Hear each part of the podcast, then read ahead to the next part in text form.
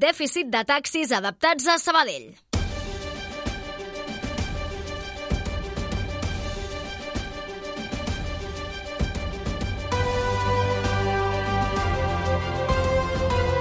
Notícies migdia.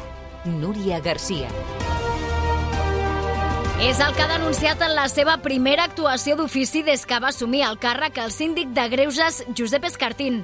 Afirma que la flota de taxis actual de la ciutat no arriba al mínim del 5% de vehicles adaptats que fixa la normativa, un fet que, a parer seu, vulnera drets com l'accessibilitat i la mobilitat, però també els que estan relacionats amb la promoció de l'autonomia personal i la igualtat d'oportunitats. Josep Escartín. El que el síndic vol posar sobre la taula és que hi ha un problema i que afecta a, a molts drets de les persones. No és tan sols el dret de que et vinguin a, a buscar o a portar, sinó que afecta el dret al lleure, el dret a tenir una, una vida eh, quotidianitzada com, com pot una persona sense cap tipus de discapacitat.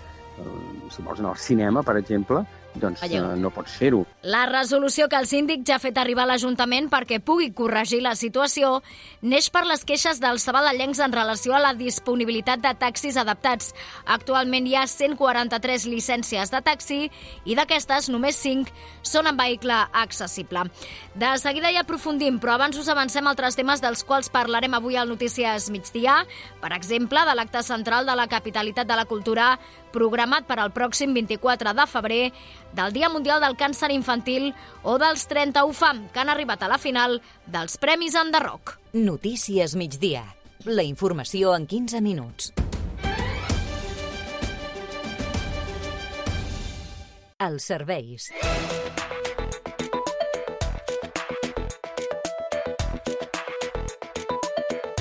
Comencem el repàs amb la situació a les carreteres catalanes. A aquesta hora, un accident a la ronda litoral a l'altura de Santa Coloma de Gramenet cap al nus de la Trinitat talla un carril i genera 3 quilòmetres i mig de circulació lenta. També afecta a l'accés de la B20 a la ronda de dalt al mateix nus. I també l'avaria d'un camió a la P7 a Sant Cugat en sentit Tarragona talla un carril i provoca 4 quilòmetres d'aturades a aquesta hora. Per la resta de vies, circulació tranquil·la a aquesta hora. Pel que fa al transport públic, com funciona. Héctor Molina, des del Transmet. Doncs hores d'ara seguint la tònica de la setmana tenim un dijous tranquil a la xarxa de transport públic de l'àrea metropolitana, on no destaquen alteracions significatives, així que per ara parlem de normalitat on tant els trens, metro i bus funcionen sense cap tipus d'incidència destacable. De moment, això és tot des del Transmet. Molt bon dia. La notícia del dia. Els taxis sabadellencs incompleixen la llei d'accessibilitat, així ho denuncien una actuació d'ofici al síndic municipal de Greuges, Josep Escartín. Concretament, la flota que dona basta a Sabadell i Sant Quirze només compta amb un 3% de vehicles adaptats, enfront al 5% que fixa la llei. Si comptabilitzem els taxis disponibles les 24 hores, la taxa es redueix a més al 2%. Karen Madrid, bona tarda. Bona tarda. Josep Escartín ha obert la primera actuació d'ofici de la seva segona etapa com a síndic arran de les nombroses queixes recollides sobre aquesta matèria.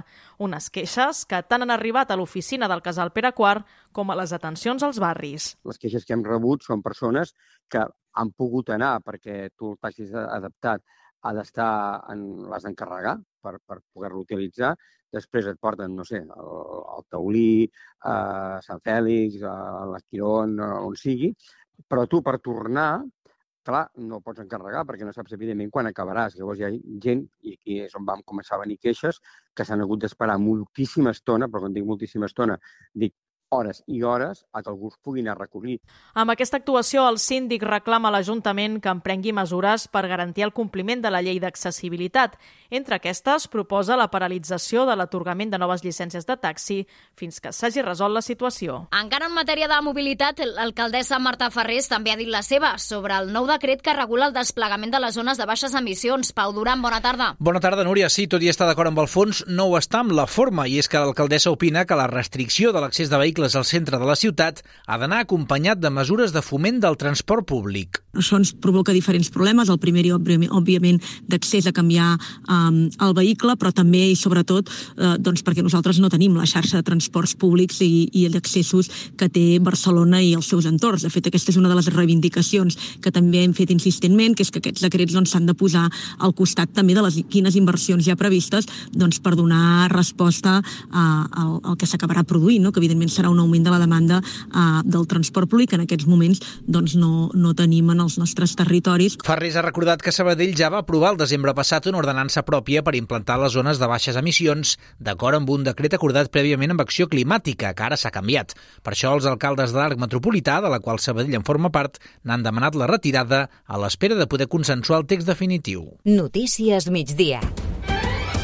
De dilluns a divendres, a partir de les dues. I avui us podem explicar més detalls de l'espectacle central de la capitalitat de la cultura que tindrà lloc el pròxim 24 de febrer.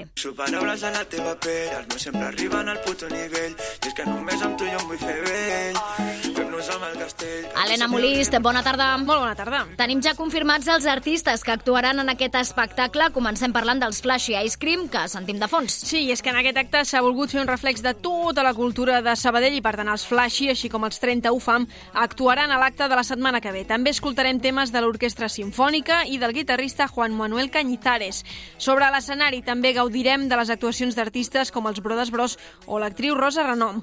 Tot plegat en un espectacle que vol ser com un tràiler, o almenys així ho afirma el seu director, l'Albert González. I potser és una miqueta un tràiler del que passarà a la ciutat aquest any i, i del que tenim també a nivell cultural aquí a Sabadell.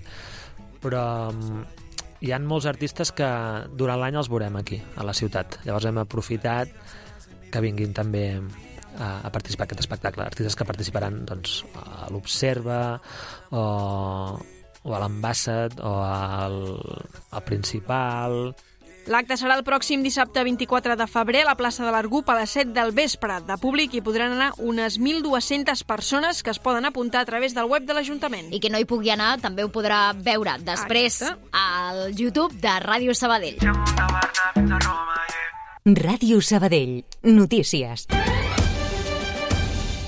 Canviem radicalment de tema. El Parc Taulí detecta cada any entre 10 i 20 casos de càncer infantil, una malaltia de la qual aquest dijous se'n commemora el Dia Mundial. Per la seva incidència està considerada com una malaltia minoritària, però amb una elevada taxa de supervivència. De fet, els càncers infantils tenen un grau de supervivència entre el 80 i el 99%, molt més elevat que en els casos de adults. Això s'explica perquè les cèl·lules són més joves i acostumen a respondre millor als tractaments. La doctora Grisel de Vallès, oncohematòloga del Taulí, ha explicat en una entrevista al Cafè quins són els tipus de càncers infantils més freqüents. El càncer número 1 a la infància són les leucèmies, i després, en, en segon lloc, estan els càncers, els tumors del sistema nerviós central, no? els, de, els, de, els tumors cerebrals en tot el seu conjunt.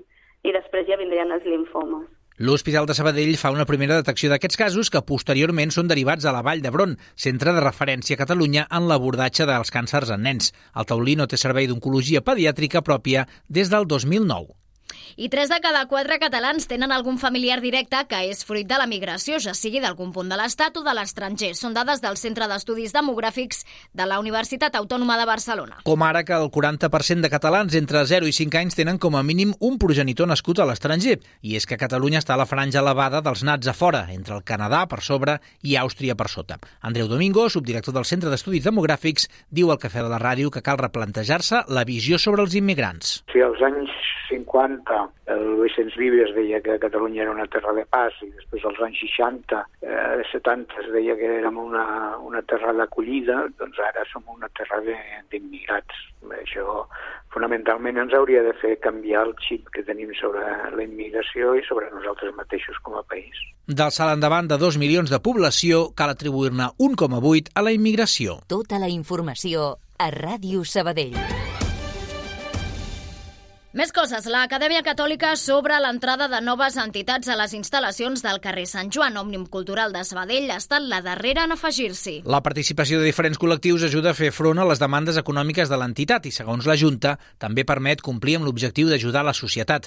El president de l'Acadèmia Catòlica, Ramon Graells, ha explicat al matí els beneficis pels col·lectius. El primer benefici que tenen és que disposen d'un local al centre de la ciutat, sí. amb les despeses totes cobertes, dels serveis, uh -huh. llum, aigua, gas, calefacció, això d'entrada. Segon, un espai en el qual hi han altres entitats, no estan ells sols uh -huh. en un local, sinó que hi ha una interrelació entre les altres entitats. A la sala d'actes es farà el cicle Sabadell amb coneixement per oferir xerrades sobre temes concrets. La primera serà el 22 de febrer.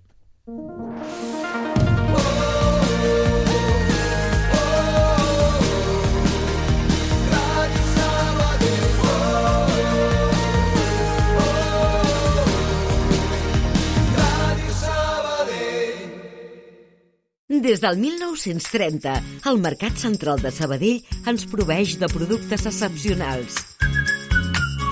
Avui dia conserven aquesta qualitat, però, a més, també miren per la comoditat dels nostres clients. Al Mercat Central tenim servei de cangur. Mentre fas les teves compres, els teus fills es diverteixen. Al Mercat Central tenim servei a domicili per a persones que el seu temps és or. I si vols anar amb cotxe, tens pàrquing gratuït amb carros de compra perquè no portis pes. El Mercat Central de Sabadell mira per tu.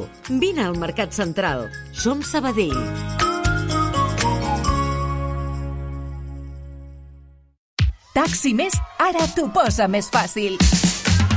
Pots demanar un taxi a la teva ciutat per WhatsApp al 608 48 30 02.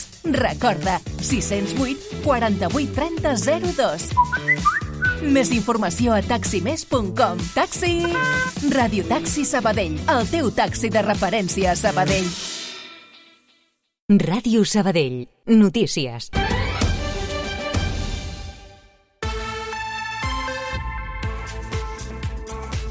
Pràcticament les 2 i 12 minuts, la inflació del mes de gener puja fins al 3,3% per la retirada dels ajuts a l'electricitat. Amb tot, l'encariment de la factura energètica es veu compensat amb la baixada del preu dels carburants. Pel que fa als aliments, es mantenen a l'alça amb un augment interanual del 7% i a nivell estatal, l'índex dels preus del consum augmenta fins al 3,4%, situant-se per sobre del català. Les dades es coneixen després que el Banc Central Europeu hagi afirmat que la inflació continuarà baixant i que es produirà un repunt de l'activitat econòmica durant aquest any. El informa a Brussel·les que el PP va valorar també l'amnistia. Sí, el Partit Socialista ha enviat una carta a diverses autoritats europees explicant que el president del PP, Núñez Feijó, va obrir la porta a un indult condicionat per Carles Puigdemont. El text afegeix que el Popular va reconèixer que seria complicat que jutges provessin crims de terrorisme per part del president català. Els socialistes denuncien així que el PP ataca el govern espanyol amb acusacions falses i que presumeix de valors que no compleix en les seves negociacions. Cultura. Ja tenim els finalistes dels Premis Enderroc, com no podia ser d'una altra manera. Els 30 UFAM s'han colat a la final i opten al Premi a millor disc de música urbana per l'àlbum Bona Fe. Diuen que ja no estàs amb aquell cabron, ara balles sola, la festa retumba, baby girl en públic, però és un desert Finalment, doncs, els tres artistes sabadellencs que hi havia preseleccionats, només els 30 UFA Malena han passat de ronda. Exacte, recordem que en les semifinals del vot popular teníem també nominats a Roger Pedrós, que optava millor cançó pel temps i millor artista revelació, i a Ramon Roma, que estava nominat al Premi Xesco Bosch com a millor disc per al públic familiar. Finalment, el públic ha votat i només els 30 UFA opten finalment a endur-se un premi. Ho tindran complicat, no? Doncs sí, perquè ells estan nominats, com dèiem, a millor disc de música urbana, una categoria que comparteixen amb la Mushka pel disc Tas Loco Mixtape i amb The Tietz pel seu disc Epic Solete. I quins altres ballesans estan nominats? Doncs comencem per un clàssic dels clàssics. En Miqui Núñez està nominat al millor disc en llengua no catalana pel seu àlbum 121. A l'apartat d'artista revelació hi trobem un altre ballesà, en Triquell.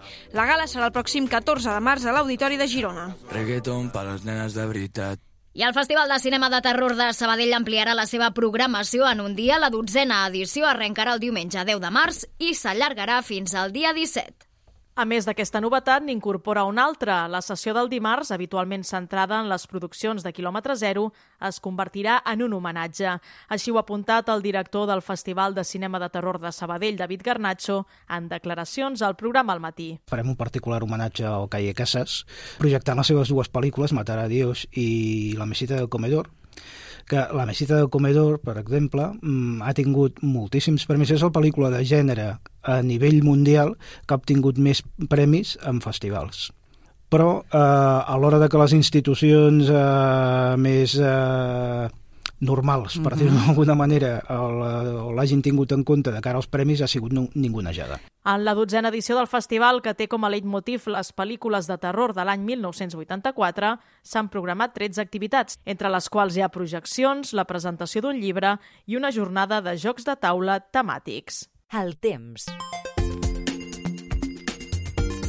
Què ens espera de cara a les pròximes hores? La previsió meteorològica, Lluís Mi Pérez. Molts núvols aquest dijous, però ben esquifits i ben inactius. No estan deixant pluja. De fet, hi ha una barreja entre núvols prims que van entrant des de l'oest, des de les comarques de Tarragona també, i aquests núvols més baixos, amb boira fins i tot, que es passegen alguns moments a prop de la costa, sobretot la barcelonina, i també la daurada, malgrat que algun banc de boira també ha anat afectant, per exemple, el golf de Roses.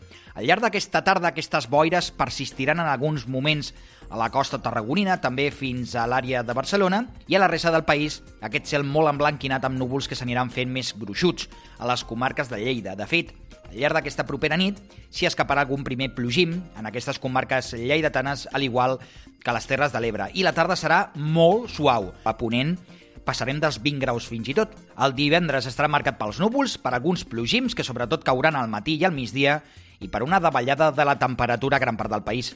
Us seguirem a la xarxa. Un minut passa d'un quart de tres. Marxem. Fins aquí el Notícies Migdia que hem fet amb la Rocío García a les vies de so. Recordeu que podeu continuar informats al portal de continguts de l'emissora, les xarxes socials i també a través del nostre canal de WhatsApp. Nosaltres tornem demà a partir de les dues. Que vagi bé. Adéu. Allà on siguis, escolta'ns online. En directe.radiosabadell.fm